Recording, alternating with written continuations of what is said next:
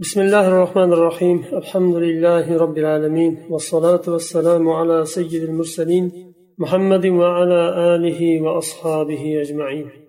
اللهم علمنا ما ينفعنا وانفعنا بما علمتنا وزدنا علما يا عليم. To'rtinchi faslda to'xtagandik usul fiqdan. Masalikul illa illatni chiqarishlik aniqlashlik yo'llari. وهي الطرق التي يعلم بها كون الوصف المعين علة الحكم مسالك العلة nima degani shu orqali muayyan bir vasf hukmning illati ekani bilinadi تعلم علة الحكم حكم الأصل بالنقل أو بالإجماع أو بالاستنباط aslning hukmining illati bu yerda asl bor fara bor qiyosda asl bo'ladi fara bo'ladi farani aslga qiyos qilamiz shu aslning hukmini illati yo naql bilan bilinadi yo ijmo bilan yo istinbot bilan birinchisi isbatul illati bin naql naql yo'li bilan isbot qilishlik ya'ni qur'onda sunnatda kelgan naqliy dalil deymiz الشرع كما يثبت الحكم يثبت علته أحيانا شريعة بزجا حكمنا إثبات كندك بعضها حكمني إلتنا هم إثبات قلنا وإثبات العلة بالنقل isbot qilingan illat ikki navoda bo'ladi ikki turdan birinchisi annassu alayha mana shu illatga nas keladi dalil qur'onda yo sunnatda والعلة المنصوصة هي الوصف الذي علل به الحكم في الكتاب أو السنة بلفظ يفيد التعليل منصوص علة نما يعني منصوص علة qur'onda yoki sunnatda u bilan bir hukm illatlangan sifatdir deyaptilar. Bir sifat keladi o'sha sifat hukmni illati bo'lib keladi. Ya'ni ta'lilni ifoda qiladigan lafz bilan kelishi kerak.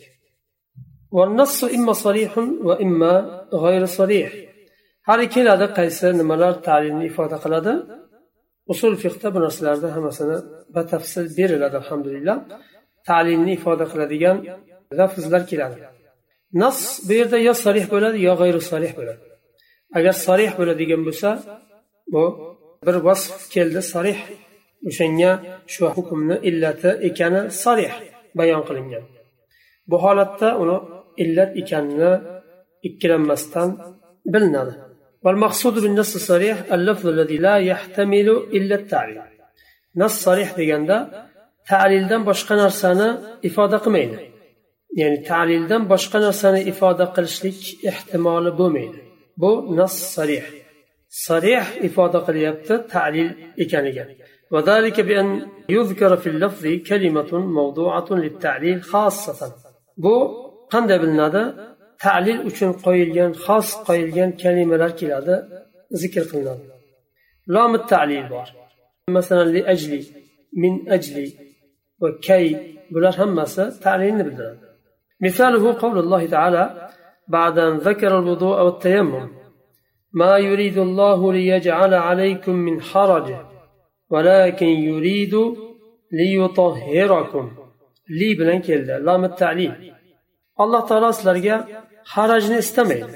Moyda surasida tahorat va tayammum haqida so'z yuritilganda mavzuda alloh taolo bu ahkomlarni nozil qilishlik bilan sizlarga haraj qiyinchilikni istamaydi olloh alloh sizlarni poklashni istayapti bu bilan. Demak tahoratdan murod tayammumdan murod uni illati poklanishlik ekan. degan nima chiqadi? Va hadisul innama nahaynakum an nuhumil adahi ba'da thalathin likay tasaakum. Islomni avvalida makkada so'yilgan qurbonlikni uch kundan ortiq saqlashlik mumkin emas edi. Man qilgan. Chunki o'sha yerni ahliga shu hajda so'yilgan qurbonliklardan yetsin yetmay qolmagan bo'lmasin. Agar uch kundan ortiq saqlab qolishlik mumkin bo'lganda odamlar o'zlariga ko'proq qoldirib nima qilmasin uchun uch kundan ortiq saqlash mumkin emas deyilsa u go'shtni tarqatib yuboriladi. Uch kunda qolmasin deb. Va bu kambag'allarni faqir fuqarolar uchun bu bir qandaydir marhamati bo'ladi islomni islomni avvalida shu qurbonlik go'shtini uch kundan ortiq saqlashlik mumkin emasdi. Shuni rasululloh aytyaptilar sizlarni qurbonlikni go'shtini uch kundan ortiq saqlashni nahiy qilgandik sizlarga yetsin uchun. Hammaga tarqatilsin va hammaga yetsin uchun. Bu ikkalasi yuqorida o'tgan talilni bildiradi lug'aviy jihatidan. Ya'ni ishora bilan emas. Yo bir zonniy bilan emas وأما التعليل بالنص غير الصريح فنحو قول الراوي سهى النبي صلى الله عليه وسلم فسجد. فإن الفاء قد تكون للتعليل وقد تكون لمجرد ترتيب. كقولك جاء فلان فجلس. فهذا النوع من ألفاظ التعليل يفيد التعليل ظنا. عند نص غير صريح. birinchisi nas sorih edi ikkinchisi nas g'oyru sorih roviyni so'zi rasululloh sollallohu alayhi vasallam sahu qildilar ya'ni namozda xato qildilarda sajda qildilar. Bu yerda fo talilni ham bildiradi yo tartibni ham bildiradi. Bu sorih emas. Lomi talil masalan likay bular talilni bildiradi boshqa narsani bildirmaydi sizlarni poklashlik uchun. Ammo bu yerda fasajad deganda fo talilni ham bildiradi tartibni ham bildiradi. Falonchi keldida o'tirdi deyilsa bu tartibni bildiradi. Kelib kelgandan keyin o'tirganini bildiradi bu tartib. Birinchi keldi undan keyin kelib o'tirdi. Bunday turlari zonniy yo'l bilan ta'limni ifoda qilishini bildiradi. B.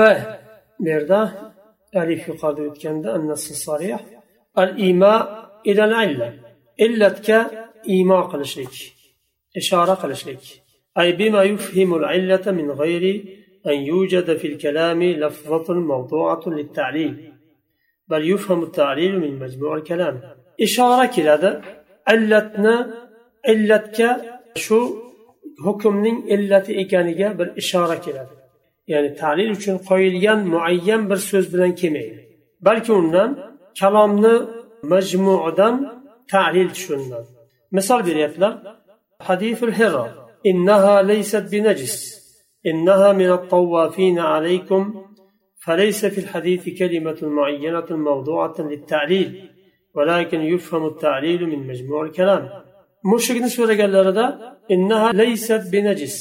mushuk najosat emas dedilar chunki u sizlarni atroflaringda davomli aylanib turgan bir narsa u qorishib insonlar bilan bu hadisda talilni ifoda qiladigan bir muayyan bir kalima yo'q liannaha deyilmadi masalan ولكن يفهم التعليل من مجموع الكلام تعليل bu yerda kalomni majmuidan bilinadi to'plamidan إذ لو لم تقدر الجملة الثانية تعليلا لكانت لغوا agar ikkinchi jumla talil deb taqdir qilinmaydigan bo'lsa u bekordan bekorga foydasiz aytilingan bo'ladi. Hukm berildi. Najosat emas deyildi talili kelyapti ikkinchi jumlada. U sizlarni atroflaringda doim sizlarga qo'shilib qorishib aylanib yurgan bir narsa u sizlarda. Agar buni talil demasak إنها من الطوافين عليكم سوزة جملة. هيج فايدة سز ما ناسز أيترين وكلام الشارع منزه عن اللغو. لكن شريعة صاحبنا كلام لغو دان أكدر ومثاله أيضا الحديث سئل النبي صلى الله عليه وسلم عن بيع الرطب بالتمر. فقال أن ينقص الرطب إذا يبس قالوا نعم. فقال فلا إذن. Hadisni misol qilyaptilar. Rasululloh sollallohu alayhi vasallamdan sahobalar so'rashdi. Aytdi xurmani hali rutob deydi uni. Suvi shirasi o'zida bo'lib turgan vaqti. Endi pishib yetilgan yumshoq suvi qurimagan.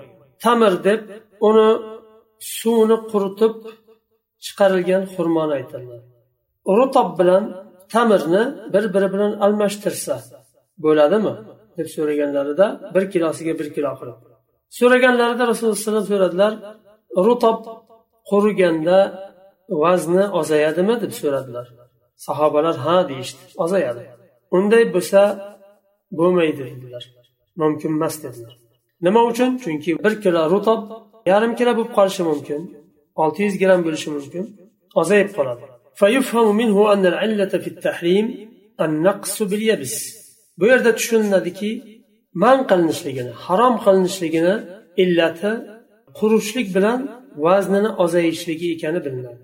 Nima uchun? Chunki so'radilar ayyan qusu ya'ni bu rutob bilan tamirni bir biri bilan almashtirsa savdo sotiqda bir kilosiga bir kilo almashtirib olsa bo'ladimi deb so'raganlarida buni quritganda vazni ozayadimi deb so'radilar.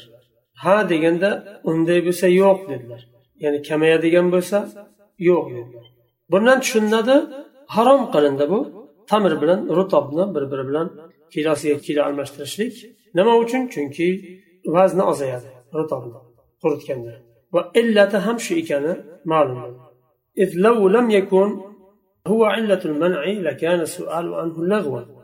agar bu vaznni ozayishligi hukmning illati bo'lmaganda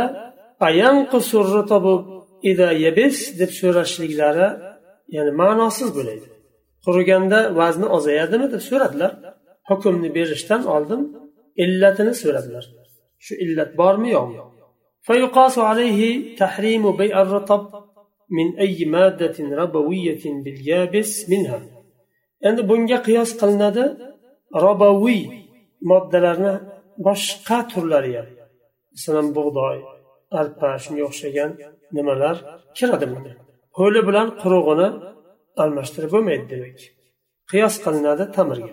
Tamirga qiyos qilinadi agar uni ho'li quriganda vazni ozayadigan bo'lsa demak unga ham robaviy boshqa moddalarda ham ayni hukm beriladi va ho'li bilan qurug'ini almashtirib bo'lmaydi kilosiga keladi deyiladi. ومثاله أيضا الحديث ليس للقاتل من الميراث شيء. يومئ إلى أن القتل هو علة منع القاتل من ميراث المقتول. حديث سكر هذا رسول الله صلى الله عليه وسلم. آية ليس للقاتل من الميراث شيء. قاتل جاء ميراث بير الميدة دلار بركشنا كشنا ميراث خورو أولدر دلار وهذا أولدر جان قاتل ميراث أمينه. Masalan otasini o'ldirib qo'ygan bo'lsa bilmasdan o'ldirgan bo'lsa ham qotilmi shu merosni olmaydi. Hali bu yerda faqat meros hukmi berilyapti u boshqa hukmga kirilmayapti chunki u boshqa hukmlari masalan qasos degan narsa yo bir bu alohida bir darsimizga taalluqli bo'lmagan bir ahkomlar bo'lgani uchun boshqa hukmlarga kirilmayapti. Faqat merosdan man qilinishligi aytib o'tilyapti ya'ni bu darsni eshitgan kishi aytishi mumkinki faqat merosdan man qilinadi va boshqa jazo berilmaydimi ajabo degan savol bo'lishi mumkinda. Shuning uchun boshqa hukmlariga bu yerda kirilmaydi. Bu misolni keltirishlikdan murod bu darsimizga taalluqli bo'lgan yerini olishlik xolos. Qotilga meros berilmaydi. Minal merosi shay'un.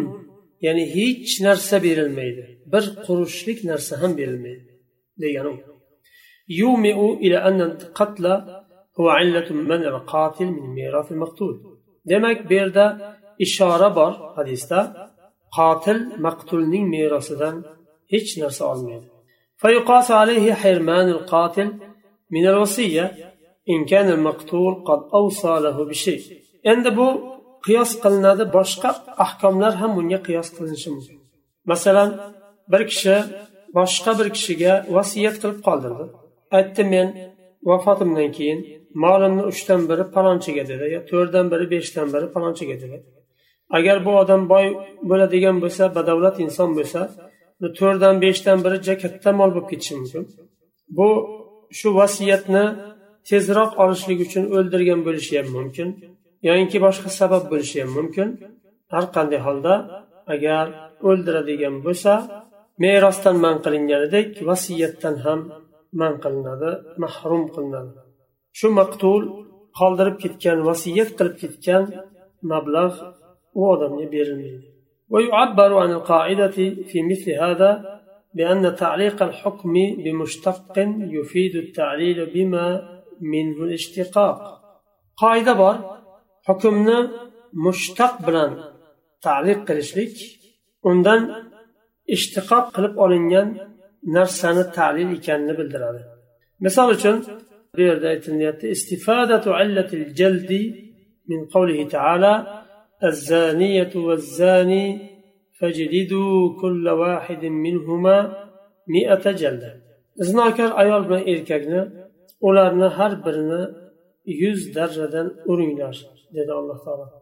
Fajlidu bu yerda hukm va shu hukm nimaga bog'landi? Azzaniyatu va zani bir mushtaq nima bilan ismi foil bilan bog'landi.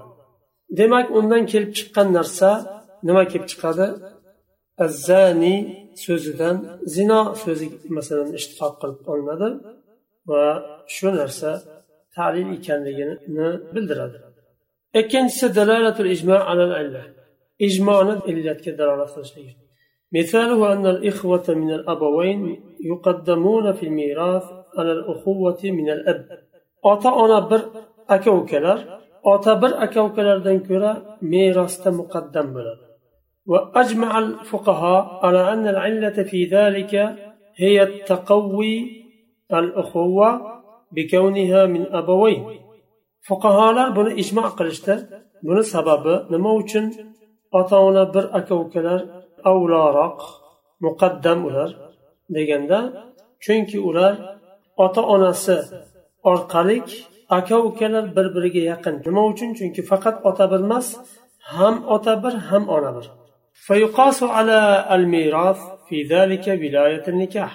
Merosga bu yerda qiyos qilinadi. nikohning viloyati masalan bir qizni ikkita akasi bor bittasi ham ota ham ona bir ikkinchisi faqat ota bir bunday holda kim muqaddam bo'ladi valiy bo'lishlikka ota ona bir bo'lgan akasi muqaddam qilinadi فيقال الأخ الشقيق أولى بتزويج المرأة من الأخ لأب aytiladiki shaqiq bu ota ona bir ota ona bir aka ota bir akadan ko'ra bu qizni o'ylantirib turmushga berishlikka avloroq deyiladi qiyosan ala avlaviyatihi fil meros merosga qiyoslagan holda chunki merosda ota ona bir aka muqaddam qilinadi aka ukalar بجامع العلة المذكورة المعلومة بالإجماع إجماع بلان معلوم بجن وذكر قلنيان إلتنا jamlanishligi bilan deyaptilar shu yerda to'xtaymiz. Keyingi darsda inshaalloh at taqsim va sabrdan davom etamiz. Subhanakallohumma bihamdik. Ashhadu an la ilaha illa ant astag'firuka va atubu ilayk.